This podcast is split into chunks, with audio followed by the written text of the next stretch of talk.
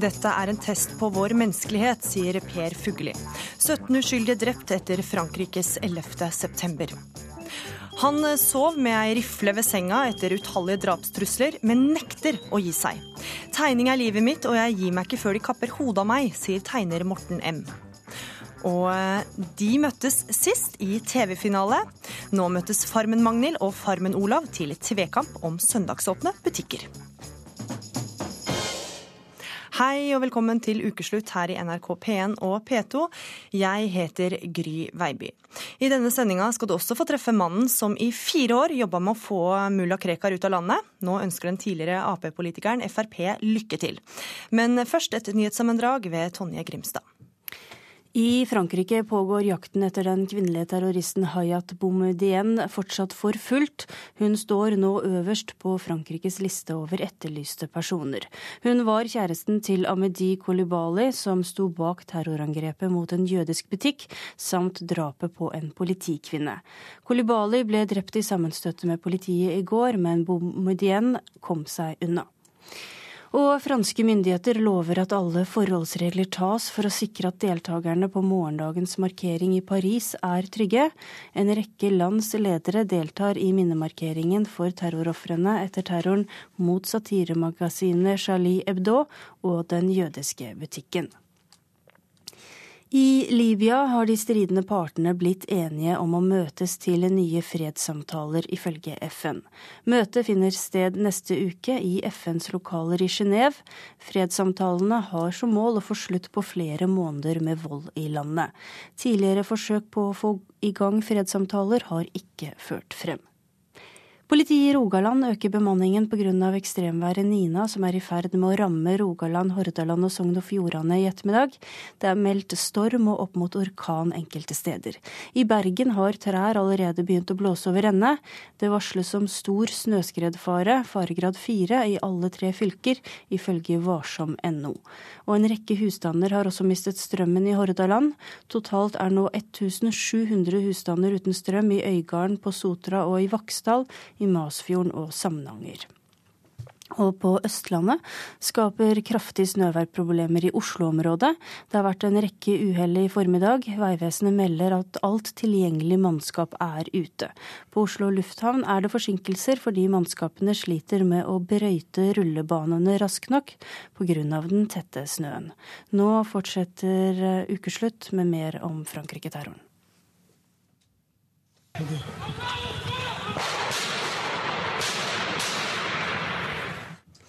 Etter tre døgn er terroren i Frankrike over. 17 uskyldige har så langt måttet bøte med livet i det som av mange kalles eh, Frankrikes 11. september.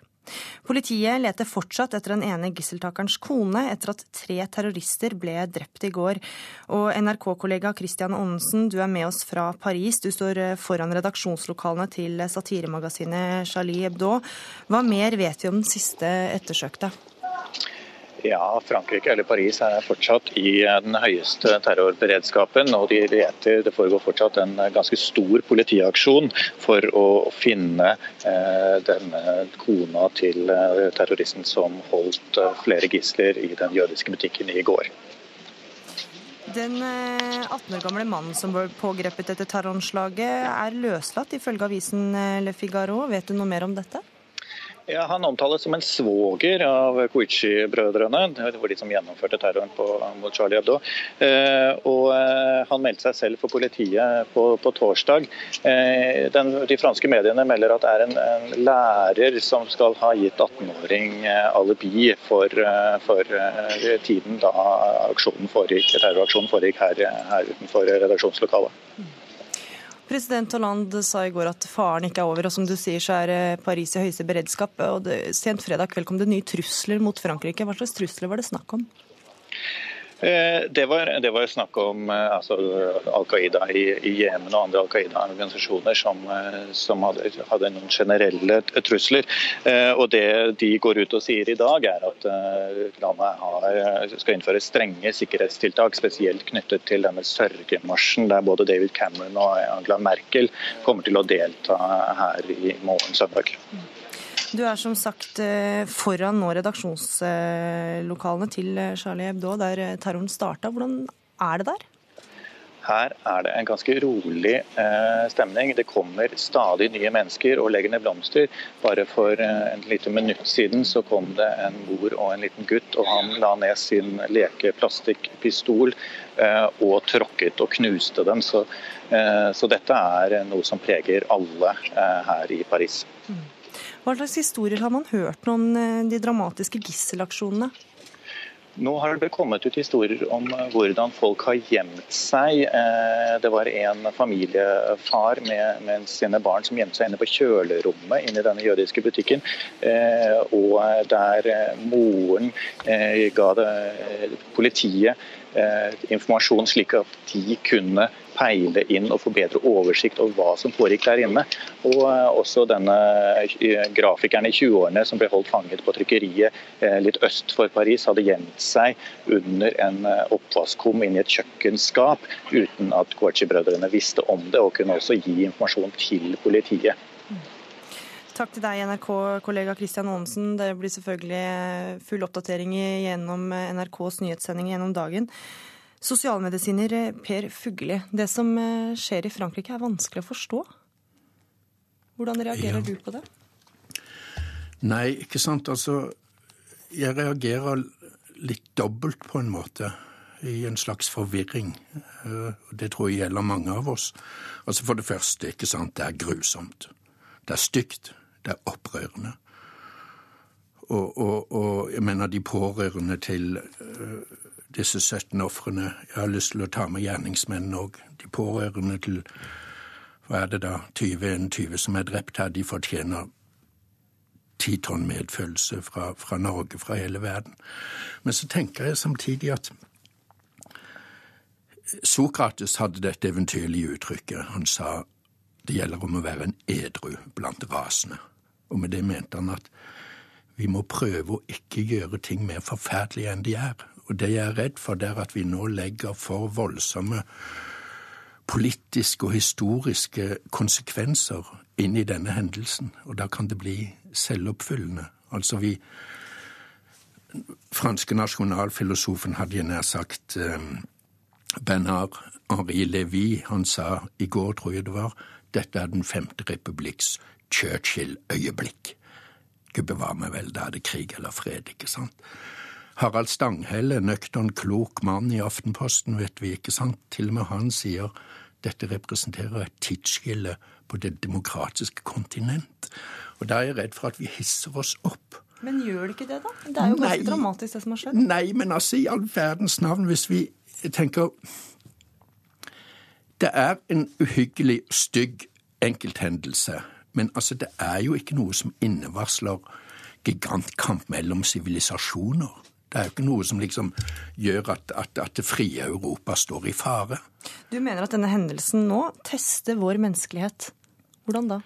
Den tester vår menneskelighet ganske særlig i forhold til at det som skjer veldig lett i en sånn situasjon Vi blir redde, vi blir sinte, og da kan vi komme til å kortslutte dit hen at det disse tre-fire fremmedlegemene, vanvittige fremmedlegemene av, av, av, av, noen ekstremister har gjort, at det har forbindelse med den ene milliarden muslimer på kloden, eller med de 60 000-70 000 muslimer i Norge, og vi kan komme til å la det gå utover dem. Vi skal eh, skru tida tilbake til onsdag, da det hele begynte med angrepet mot eh, Satiremagasinet. To timer etter angrepet var frilansjournalist Elida Høeg på åstedet og møtte parisere i sjokk og sorg.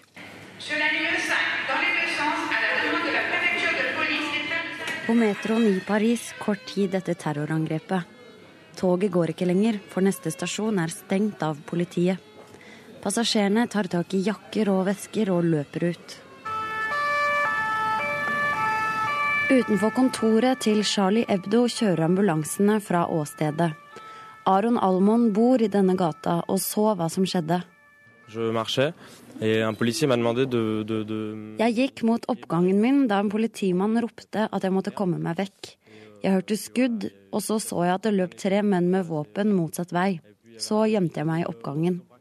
Uh, pas trop, non. Uh, pas trop. Ça arrive, ça arrive pas souvent. Almon sier at han ikke er redd nå. Han tror ikke det vil skje igjen, i hvert fall ikke her. Dette må aldri skje igjen, det er bare ikke mulig. Isabel Henry er fast leser av Charlie Hebdo. Hun har tatt med blomster for å legge ned foran kontoret deres. Vi burde være flere som står sammen om dette, sier Henry. Jeg er redd for at angrepet vil skape hat og skepsis om vi ikke takler det sammen. Det må vi ikke la skje.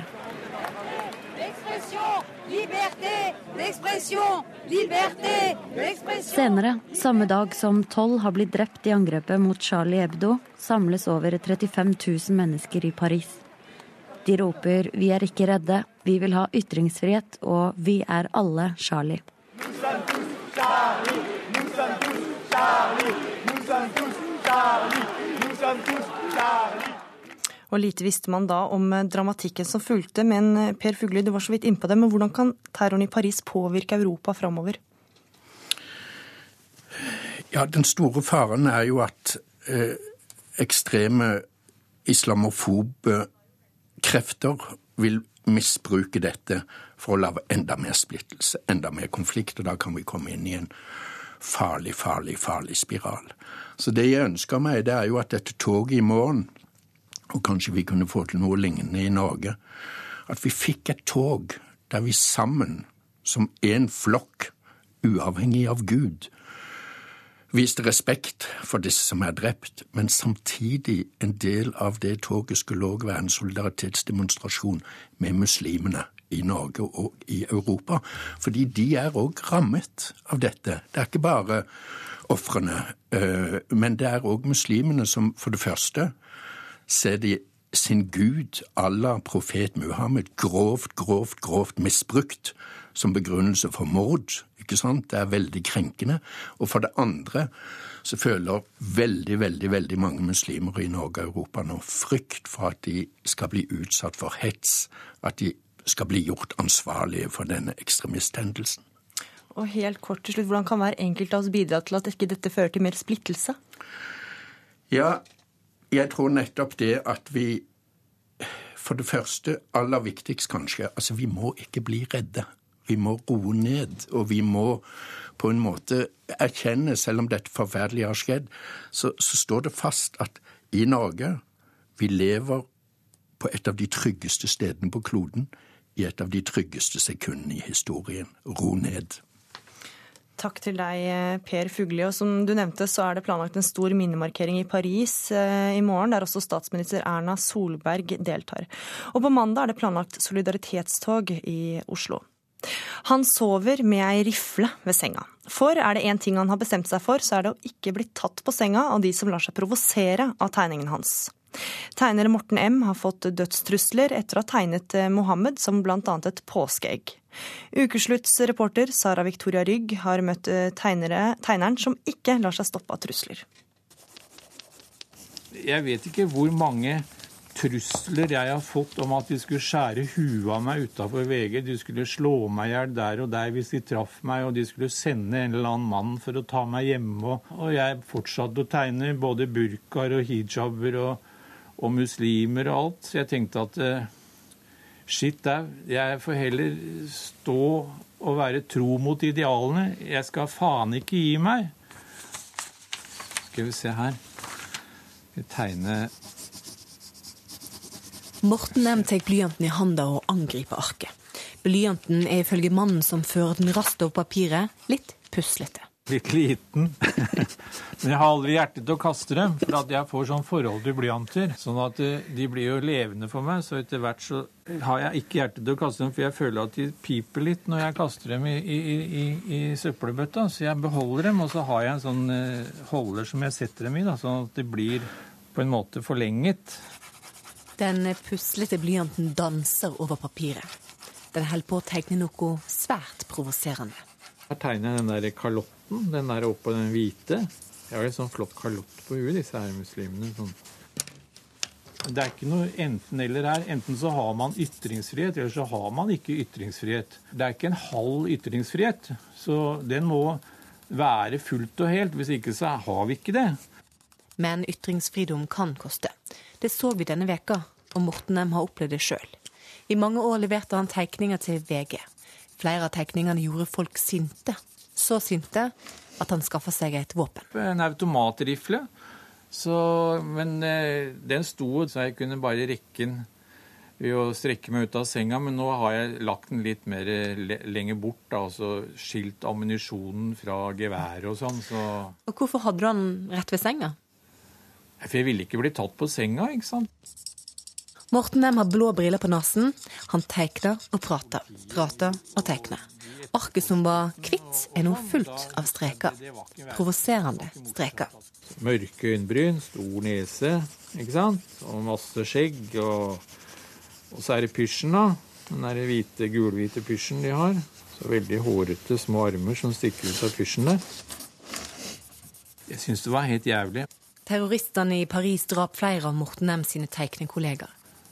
Blir de skutt ned uten sjanse til å forsvare seg, altså. Så med bare blyanten i hånda. Og det er, det er dette har jeg lurt veldig mye på. For at, hvordan hadde disse terroristene vært uten det der fordømte våpenet? Kunne ikke de møtt tegnerne da med blyant sjæl? Kunne de ikke møtt dem med humor? Kunne de ikke møtt dem med argumentasjon? Kan de ikke drite i det der jævla våpenet? For det er det uten våpenet så er de jo helt hjelpeløse. Morten M. legger blyanten fra seg. Jeg må si at det er, det er, sjelden jeg lar meg berøre av sånne ting som skjer ute i verden, men den, den virka på meg. Altså, jeg ble Jeg la meg om kvelden, så var jeg nedfor og deprimert. Altså. Det handler ikke om religion, mener Morten M. Heller eh, om galne folk. Det er mennesketypen. Jeg tror at det er autoritære, maktsyke mennesker som benytter seg av religionen til å fremme sine egne krav og sine egne behov. Og det er der på en måte vi må stikke kniven, altså. Han ser ned på tegninga framfor seg. Den er ferdig, og den er provoserende. Det er klart at Hvis jeg skulle tegne f.eks. en sånn fyr som satt og dreit, da, for eksempel, bare for å bruke et sånt folkelig uttrykk, og så skriver jeg tegner jeg sånn skjegg og lager den som en sånn muslim, og så, så har han en sånn hatt på huet hvor det står Hamad. Og hvis jeg sitter da Muhammad foran der, så er det en jævlig dårlig tegning. Og en dum tegning som er meningsløs. Og, og derfor så tror jeg bare at jeg tar den tegningen altså før noen ser den her inne, og så tar jeg og så gjør jeg bare sånn så river jeg den der tegningen i biter, for jeg syns at den er så dårlig og uintelligent at den bare pælmer jeg. For en skal ikke provosere bare for å provosere? Nei, aldri, altså. Nei, jeg mener at det må være en tanke bak, og det er jo som ikke sant? Det er jo, en tegning jo, har jo en sprengkraft som en atombombe. og det er greit at Du kan ikke drive og fyre av sånne atombomber hele tiden. Du må jo ha en idé og en tanke bak. og du må ha vite hva den tegningen Eller vite hva du vil med den tegningen. Tenkte du noen gang at det er ikke verdt å sitte her og tegne og få de truslene jeg får? Nei, jeg gjorde ikke det. Jeg hadde aldri det tanken at jeg skulle slutte pga. det. Og jeg ville aldri gitt meg før de hadde kappa huet av meg, altså. Og det sa tegner Morten M. til reporter Sara Victoria Rygg. Tidligere har jeg ment det er unødvendig å karikere det hellige. I dag har jeg forandret mening. Ytringsfriheten er det eneste hellige. Ja, Det skrev du, Asaad Nasir. Du er blogger og lærer, eh, og dette skrev du da du fikk vite om terrorangrepet i Paris. Hvorfor har du endra mening? Tidligere har jeg tenkt at uh, man skal uh, respektere og ta hensyn til folks religiøse følelser. Eh, og det mener jeg jo for så vidt fortsatt. Men jeg tenk, har tenkt nå at man ikke skal legge bånd på seg, da. Eh, og være redd for at eh, noen vil bli krenket av en eller annen ytring man kommer med, enten det er i form av eh, tekst eller bilde, eller uansett hvordan det skulle være. Eh, og Derfor tenker jeg at det er viktig nå å ta et tydelig standpunkt da, og si fra at eh, man ikke vil la seg kneble av folk som truer en med våpen, fordi Eh, ytringsfriheten er eh, et, en av de grunnpilarene da, som eh, vårt samfunn er bygget på. Mina Adampour, du er lege og samfunnsdebattant. Du mener man gjør terroristen en tjeneste ved å publisere flere karikaturer. Hvorfor det? Hvis man ene og alene ser dette som en hendelse og i et vakuum der det kun handler om ytringsfrihet, så mener man begår en feil. Vi har et klima i dag man har hatt det etter den forrige runden med karikaturstriden, som har blitt hardere i Europa. Og man har angrep på minoriteter, og man har en økende grad av flere parter som ønsker splittelse. Terroristene ønsker jo nettopp også denne splittelsen. Og hvis vi eh, skal da publisere ytterligere og eh, tro at det på en måte er måten man bekjemper eh, deres handlinger og terror på, så tror jeg ikke det er så enkelt. Men vil ikke det å ikke publisere dem gjøre at terroristene vinner ved at vi nettopp ikke lenger tør? Hvis man tror at mennesker som bruker automatvåpen virkelig er redd for pennen, så tror jeg man forenkler det hele. Jeg tror også at det er en unyansering hvis man på samme måte som Bush sa at enten så er man med oss eller imot oss i, i krigen mot terror, og forenkle denne debatten til at enten så er du imot ytringsfrihet, eller så er du for ytringsfrihet. For ytringsfriheten er ikke absolutt noe sted. Det at man skal publisere flere karikaturer og flere bilder eller tekster som andre kan finne støtende, kan ikke det føre til at konflikten skjerpes? Jo, det kan, altså selvfølgelig vil jo det provosere, og konflikten vil kunne skjerpes. Eh, men jeg tenker også at eh, f.eks. mange vil si at de fremfører islamkritikk gjennom karikaturtegninger. Mm. Eh, så er det ikke sånn at man alltid må tegne profeten for å framføre islamkritikk. Man kan tegne de som utroper seg selv som talsmenn for muslimer. Men vil ikke det også skrenke inn ytringsfriheten? Ved å si at du kan ikke tegne profeten Mohammed, men du kan tegne eh, islamistene? Nei, altså jeg sier ikke at du ikke skal kunne tegne profeten Mohammed. De som, altså hvis man vil tegne profeten, så gjerne for min del. og så tenker jeg også at det er forskjell på, eh, forskjell på tegninger og ytringer. Eh, hvis det er gjort på en intelligent måte, uh, som Morten Nem også uh, snakka om i det innslaget, Eh, så er det veldig bra. Men samtidig så vil det jo alltid være noen som eh, tegner litt sånn halvdårlige og plumpe, eh, uintelligente tegninger bare for å provosere. Og da tenker jeg at vi må ikke gi plass, så mye plass og oppmerksomhet til de som tegner bare for å provosere, men heller gi mer plass til de som lager intelligente tegninger og har et Eh, intelligente poeng i sine ytringer. Men hvem skal eh, vurdere hva som er intelligente poeng og intelligente tegninger? Ja, Det vil jo være opp til folk flest, da. Eh, og mediene har jo en særrolle i dette her, om hvem de vil liksom gi oppmerksomhet eller ikke. Mm. Mina Adampour, nå sprer jo karikaturtegningene seg i sosiale medier. Hva syns du om det? En annen ting som sprer seg i sosiale medier, er jo hashtaggen 'kill all muslims'. Som en reaksjon på dette. Um, altså, hva man synes om karikaturtegningene, det er jo, det er jo en interessant debatt uh, i og for seg. Fordi det man ser uh, denne satiren går i, er jo nettopp um, tankegodset til mennesker à la Breivik. Det er jo det bildene uh, presenterer, altså en religion som er synonymt med vold og voldsutøvelse Så mot uskyldige. Tar, tar du deg nær av karikaturene? Ja, altså, disse karikaturtegningene portretterer jo da min tro som noe den ikke er. Men hvordan man, sårer det deg, da? Altså det... Fordi det, dette er Jeg som religiøs person, eh, praktiserende muslim, lever i en tid, og jeg tror på samme måte som hvis man hadde spurt en troende kristen om hvordan det ville føltes innvendig for ham dersom Jesus fred være med ham blir karikert, så vil det være vondt. Så er det også vondt for meg. Fordi dette her er faktisk mennesker som, er, som anses for oss da, som forbilder, men de portretteres jo som det stikk motsatte. Og det, eh, det er eh, ja. Forstår du da at noen tyr til vold i reaksjon mot disse bildene? På ingen som helst måte. Asad Nasir, du er også muslim. Tar du deg nær av karikaturtegningene? Nei, ikke sånn personlig. Flere av dem syns jeg er ganske bra, faktisk. Eh, men bare for å si noe på det Mina sier her, da. Ytringsfriheten er veldig viktig, men Selvfølgelig finnes det grenser, og for meg så går den grensen ved oppfordring til vold. Nå om tre dager så skal det jo da være en demonstrasjon i hovedstaden i dette landet, hvor man da skal demonstrere imot muslims, muslimsk innvandring. Altså per se så skal mennesker møte opp på gaten for å demonstrere imot Nasser og min sin eksistens i dette landet. Og når man da gjør dette til en debatt som kun handler om ytringsfrihet, og velger å se bort ifra at dette også er tilværelsen til norske borgere som elsker ytringsfriheten, som elsker religionsfriheten, som elsker norske verdier. For ellers så hadde ikke vi bodd der, og vi er minst like klare til å forsvare de verdiene som alle andre. Men det er ikke utelukkende slik at disse eh, karikaturtegningene blir eh, gitt ut i en samtid hvor alt er fred og blomster og altså, fine omgivelser for alle. Det er, det er, faktisk ikke det. Men burde islam eller muslimer ha spesielt vern, da? Nei, muslimer bør, vise, bør være mye flinkere til å vise toleranse. Eh, muslimer må ta et oppgjør med at dette foregår, at individer oppfordrer til vold og utøver vold.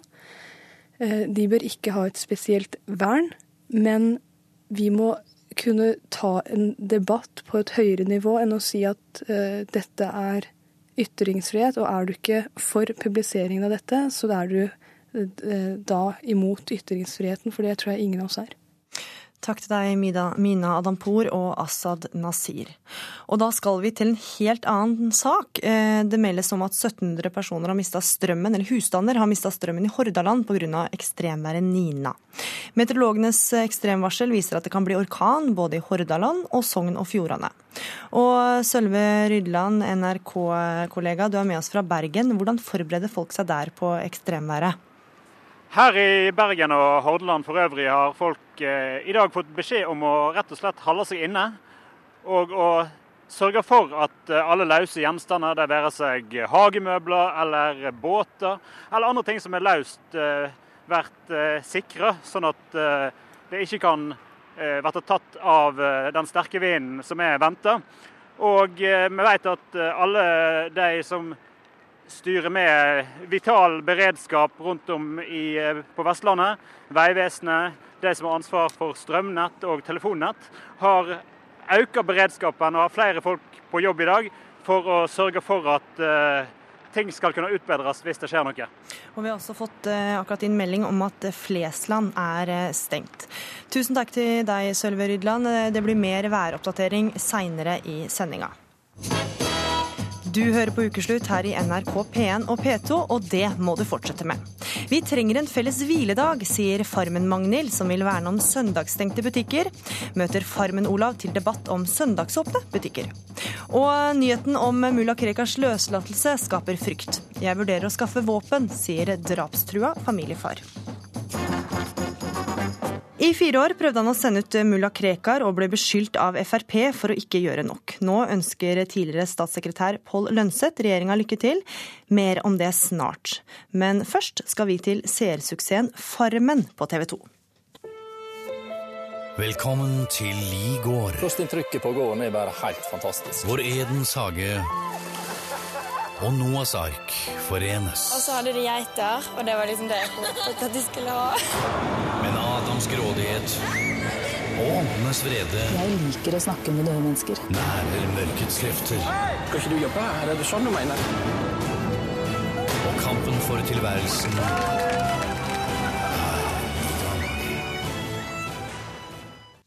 Ja, Sist dere møttes til kamp, var i finalen av Farmen Magnhild Wiik og Olav Harald Ulstein. Velkommen til ukeslutt. Tusen takk. Tusen takk for det. I dag skal dere møtes i en litt annen kamp, nemlig til debatt om søndagsåpne butikker. For i går la regjeringa fram sitt forslag om at alle butikker kan holde søndagsåpent om de selv ønsker det. Og eh, for Magnhild Vik, du er mer enn Farmen-vinner. Du er Senterpartipolitiker og førstekandidat til ordførervervet i Rauma kommune. Og ditt parti er imot å ha søndagsåpne butikker. Hvorfor det? Nei, altså det er mm, mange grunner til det. Um, det er veldig store eller lange åpningstider på butikker allerede. Um, det er uh, ja, jeg tror de aller fleste klarer å handle innenfor den åpningstiden som finnes allerede nå. Mm. Uh, Regjeringa sier at de vil verne om tolv uh, dager, som første nyttårsdag, første juledag, første pinsedag, første påskedag og disse der. Eh, men da tenker jeg at eh, da blir det på en måte en gradering av helligdager. Altså en, en dag er enten rød eller svart. Og for meg så må det være nok, i hvert fall. Jeg mener òg at det, eh, mange butikker på små plasser som ikke har et stort kundegrunnlag og ikke har ressurser til å møte åpningstiden med folk som skal ha lønninger, ikke sant. De eh, kanskje får problem da. Olav Harald Ulstein, du kom eh, på andreplass i Farmen og er politiker i Fremskrittspartiet. Det virker jo ikke som at eh, søndagsåpne butikker er et folkekrav, som Magnhild Wiik påpeker her. Hvorfor vil du ha det? Eh, for meg og Fremskrittspartiet så handler dette her ikke først og fremst om hvorvidt vi skal ha søndagsåpne butikker, for det har vi nemlig allerede i dag. Eh, og så vet du at Butikker på under 100 kvadrat, bensinstasjoner, Plantasjen osv. selger varer. Varer som blir brukt eh, til, og som også blir solgt på andre butikker. Så For oss handler dette her om at alle skal kunne få samme muligheten eh, som de som allerede kan ha åpent, og kan konkurrere på samme premisser og innenfor samme ramme som eh, de som i dag har lov til å ha åpent. Mm. Magnhild er ikke det et godt poeng da? For det finnes jo i dag allerede en rekke unntak fra å holde søndagsfri. Er det ikke rettferdig at eh, andre butikker som ønsker også skal kunne holde åpent? Jo da, det er, det er, selvfølgelig et argument. Men eh, altså, jeg mener, altså, Frp og Høyre mener at det skal bli eh, markedet som bestemmer, men når markedet, som er oss forbrukere, ikke synes det er viktig å ha søndagsåpne butikker, altså 62% sier til Sentio at eh, det er ikke behov for det, så eh, synes de at de kan ta hintet om det. Ja, Ulstein. Det er jo ikke et altså- folkekrav. Nei, eh, men det trenger heller eh, ikke å være. Eh, men det er kanskje et krav fra de som føler at de ikke kan konkurrere på lik linje med det som skal være sine konkurrenter. Og som også ivareta dem. Magnhild da jeg snakka med deg, så syns du at det var viktig å, å, at man har en hviledag. Hvorfor det? Nei, altså jeg mener at eh, Hvis du spør de som jobber turnus og jobber på helg og andre ugunstige arbeidstider, så hadde de sikkert villet slippe hvis de hadde kunnet. Så hvorfor skal enda flere måtte ta arbeidstider på ugunstige tider? Eh, et poeng for meg er faktisk òg at eh, unger, ungdommer, har fri fra skole på lørdager og søndager. Vi synes at det er viktig, og at det er en verdi som ikke kan måles i økonomi. at foreldre og unger skal få mulighet til å, til å, være i lag en dag uten å ha det alternativet at eh, skal vi, nå må vi handle, og nå må vi på shopping, nå må vi ditt og datt. De kan ha en fridag, en, et pusterom, og det synes jeg er viktig, et viktig argument så vi ikke skal kimse av. Det er ikke alt eh, markedet og økonomi kan styre, og sånn, en, en sånn ting synes jeg er mer viktig enn en eh, markedsøkonomi, faktisk. Ja, Ulstein, å dra på søndagstur eller samle eh, familien til søndagsmiddag blir jo vanskeligere når eh, kanskje mor og far må jobbe? Det er klart, men det er kanskje vanskelig allerede. Altså Arbeidsmønsteret, måten vi jobber på og tidene vi jobber på, de endrer seg til stadighet. Og søndagen han er ikke det søndagen en gang var. Det må vi bare ta inn over oss. Og jeg tror også at eh, det at flere butikker får mulighet til å ha søndagsåpne, det vil garantert skaffe flere arbeidsplasser. Ikke minst så ser jeg for meg at eh, nettopp de, noen av de ungdommene som Magnhild snakker om, som går på skole i Vika, og som gjerne skulle ha tjent seg noen kroner ekstra i helgene, de vil få større mulighet til å skaffe seg en helgejobb på en eller annen butikk, eh, sånn at de kan tjene penger ved siden av studiet. Så jeg tror det vil være en positiv ting. Dere møter jo veldig mye motbør, eller regjeringa møter mye motbør Ulstein, på dette forslaget. XXL-gründeren mener jo bl.a. at det vil bli vanskelig å få kompetente ansatte, fordi at folk flest vil ha fri i helgene. og Da vil jo da disse eh, skolevikarene steppe inn. Er det en god utvikling, tenker du? Jeg vil si at eh, det er egentlig å undervurdere det som du kaller skolevikarer. Jeg tror at det er veldig mye flott Eh, dyktig ungdom. som De ser jo allerede veldig mange ungdommer både i kassa og jobber i butikker i dag, som er en fryd å møte. Jeg tror det finnes veldig mange flere av dem som eh, nok eh, tvert imot vil komme til å berike handelsnæringa i åra framover. Magnhild Wiik og Olav Harald Ulstein, takk for at dere var med i eh, Ukeslutts tvekamp. I 2010 ble en eh, norsk kurder drapstrua av mulla Krekar etter å ha brent vers fra Koranen. Nå som Krekar snart er på frifot, vurderer han å skaffe våpen for å beskytte familien. Han bor på hemmelig adresse et sted i Norge. Eh, reporter Elisabeth Onsum fikk komme hjem til familien. Koranvers i flammer på en PC-skjerm. Bli brent som de verste. Det er disse versene. Ja, disse mm. versene. Mannen jeg sitter ved siden av, er truet på livet etter at han satte fyr på noen vers fra Den hellige boken. Er det din hånd? Ja. Den river ut uh, arkene? Ja. Og så, så, ser man nå snart at det, at det kommer flammer ja. der. Det var ment som en protest mot Anfal-kampanjen i Nord-Irak, der minst 100 000 kurdere og andre minoritetsgrupper ble drept. Også nær familie. Men mulla Krekar mislikte det han så, og oppfordret til drap. Der. Se, den er til meg. Han sier navnet mitt, og så sier vi tar bilde av deg og deler på alle disse muslimene som finnes der du bor, eh, på der du jobber, og på, eh, på, eh, setter på plakat. Nesten ti minutter som snakker om meg. På kjøkkenet er kona i gang med å forberede et måltid. Barna leker intetanende på gulvet rundt beina hennes. Hun vil ikke at stemmen skal høres på radio, men hun forteller meg at hun er redd. Hvite lameller dekker vindusflatene, og frykten ligger alltid på lur. Er du redd nå? Ja, selvfølgelig. Jeg tror alle blir redd når det kommer en trussel, spesielt fra disse ekstreme eh, gruppene. De har troet meg på jobben. Eh, jeg og jobben ble enige at jeg skal si opp jobben. Og eh, den jobben jeg har drevet i ti år. Der ser vi mulla Krekar. Mange vil huske bildene av Krekar som blir pågrepet i sitt eget hjem. I dommen fra 2012 står det bl.a.: Retten finner det bevist at Krekar har betydelig påvirkningskraft på i hvert fall noen hundre likesinnede sympatisører i jihadistmiljøet, og at disse etter norske forhold kan oppfattes som å ha ekstreme holdninger. Etter rettens vurdering kan noen av Krekars dedikerte tilhengere eller sympatisører, eller personer som igjen påvirkes av disse, komme til å innfri Krekars forventning om drapsaksjoner. Hva tenkte du da du hørte at nå skal mulla Krekar ut av fengsel? Det blir veldig tungt. Jeg tenker på, mest på familien min, på barna. De går på barnehage, vi går og handler. Så det er eh, veldig ubehagelig. Tolv drept i terrorangrepet mot en avis i Paris, kjent for å ha trykket karikaturtegninger av Muhammed. Likvideringene av tegnerne i satiremagasinet Charlie Hebdo viser hvor langt enkelte er villige til å gå for å hevne profeten. Før klokken tolv i dag Vitnene på taket har sett to menn inne i lokalene til ukebladet. De har sett mennesker bli skutt. Nå er de bevæpnede mennene ute på gaten. Hva tenker du når du ser dette her? Det er helt uh, utenkelig. Som det skulle ikke skje egentlig i, i et sånn demokratisk land.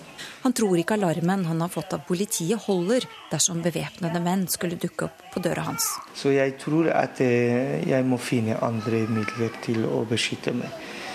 Eh, jeg tror det beste beskyttelse er meg selv, til å kunne beskytte meg.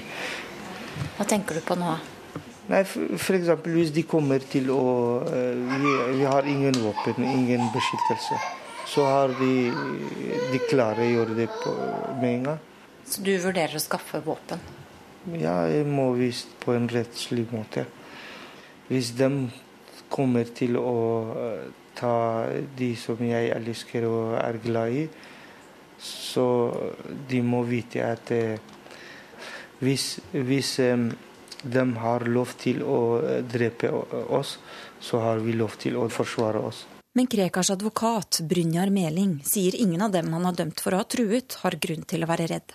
Eh, Krekar har hele tiden sagt at de aldri har hatt noen grunn til å være bekymret. Jeg forstår at noen av disse beveger på seg media igjen, og jeg regner med at eh, personer tilknyttet politi og rettsvesen vet at personer som har en oppriktig grunn til å føle seg truet og føle seg bekymret, ikke søker medies oppmerksomhet, slik som enkelte av disse personene har gjort. Eh, så jeg ser på dette som politisk utspill mer enn uttrykk for at skal foreligge noe frykt hos dem. Advokaten til eh, mulla Krekar har, har, lov til å forsvare sin klient. Men eh, han snakker på veien av Krekar, men snakker ikke på veien av oss. Vi blir redde fordi i retten, rett ved siden av advokaten hans, han har troet oss. Så jeg ber om han å tenke om igjen at hvis det hadde vært deg å sitte på min sted, hva du tenkte om at en dag vi skal uansett bli da.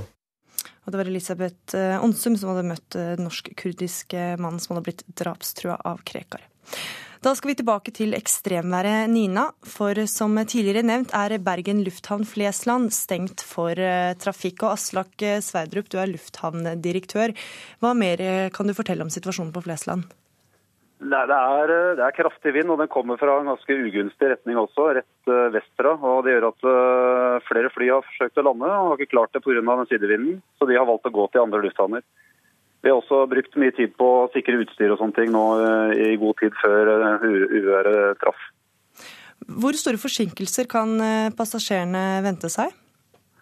Akkurat nå så er det mange fly som er kansellert.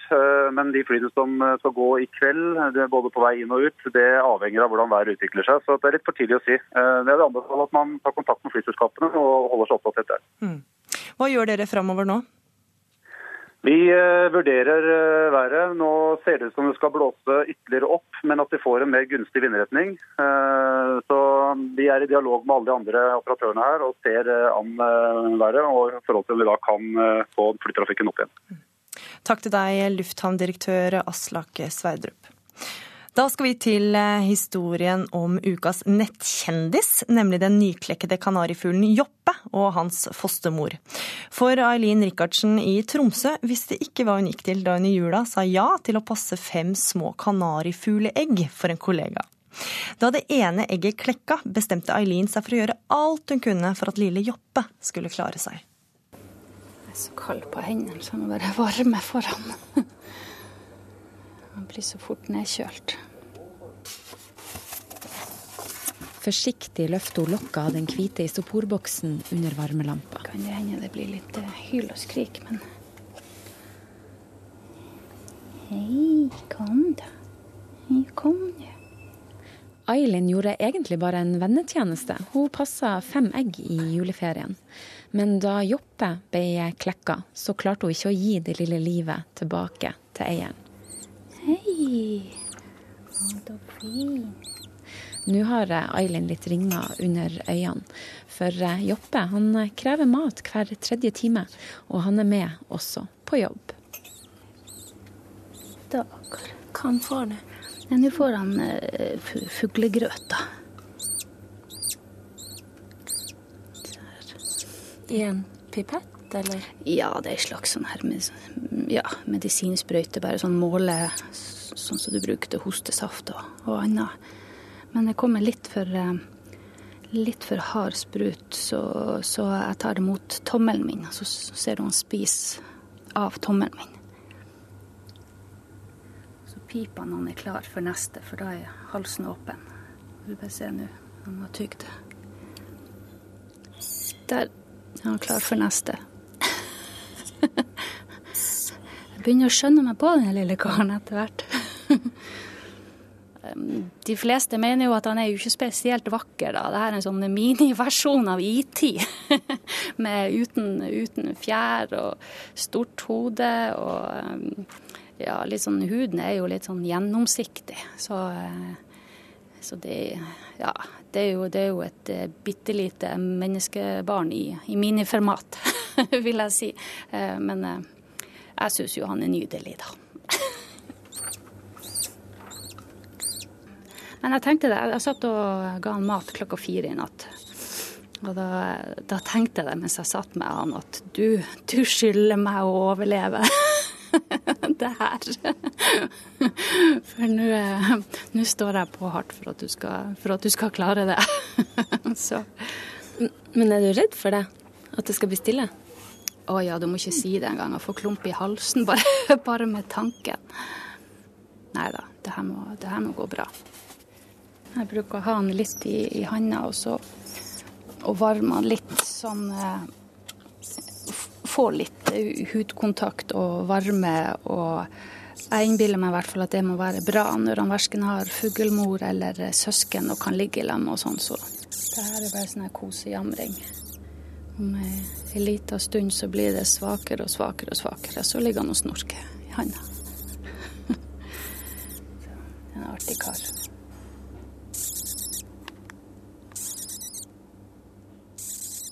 Og der sovna lille Joppe i hånda på eier Eileen Rikardsen. Reporter i Tromsø var Karoline Rugeldal. Du kan se bilder av nyklekkede Joppe og fuglemor Eileen Rikardsen på nrk.no. Og da blir det mer om ekstremværet, som sies å være det verste på 20 år. Trafikken på Flesland er altså stengt for all flytrafikk, og det meldes nå om at 5000 husstander er uten strøm. Og statsmeteorolog Aurora Stenmark, hva mer kan du fortelle om været?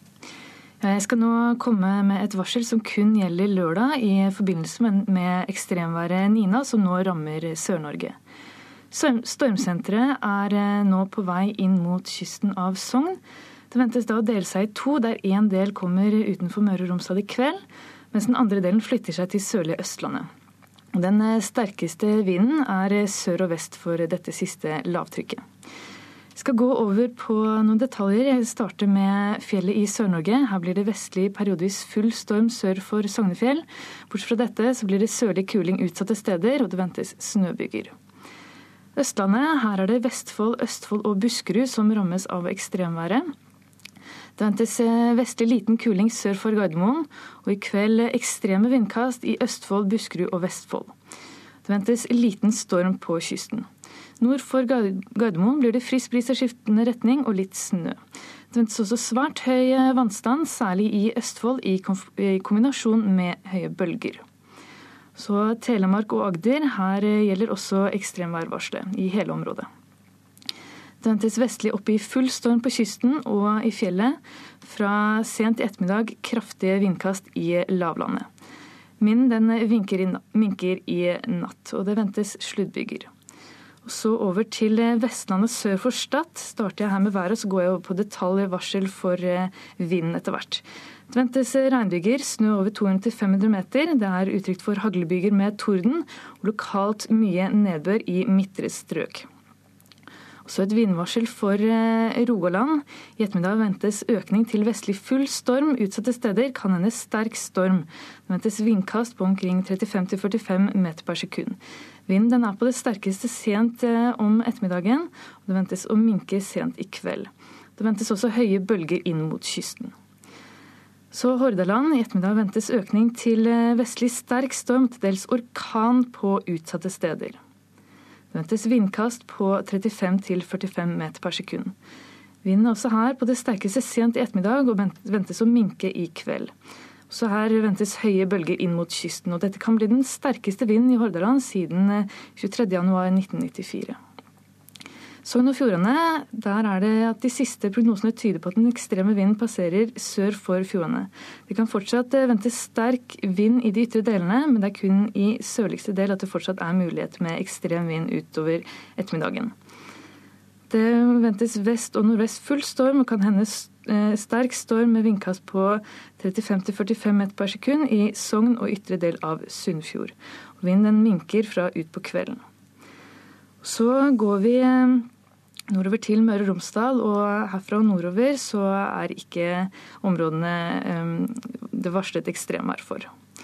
I Møre og Romsdal ventes sørøstlig opp i stiv kuling, fra i kveld vestlig sterk kuling på sørlig del av Sunnmøre. Det blir regnbyger og snøbyger over 200-400 meter, flest byger i sør. og Det er utrygt for torden på Sunnmøre.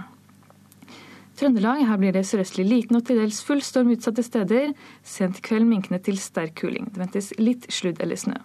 Helgeland, Saltfjellet, Salten og Ofoten sørøstlig liten storm, lokalt med sterke vindkast. Og oppholdsvær. Lofoten og Vesterålen sørøstlig stiv kuling og oppholdsvær. Troms og kyst- og fjordstrøkene i Vest-Finnmark sørøstlig sterk kuling, til dels liten storm, og i kveld minkende. Her blir det også oppholdsvær. Øst-Finnmark og Finnmarksvidda får sørøstlig opp i liten kuling, og her blir det oppholdsvær. Og så Nordensjøland på Spitsbergen. Her blir det østlig bris og oppholdsvær. Og det var værvarselet fra Meteorologisk institutt. Ukeslutt er slutt. Ansvarlig for sendinga var Maria Lavik. Teknisk ansvarlig var Marianne Myrhol. Og i studio Gry Veiby, som takker for følget.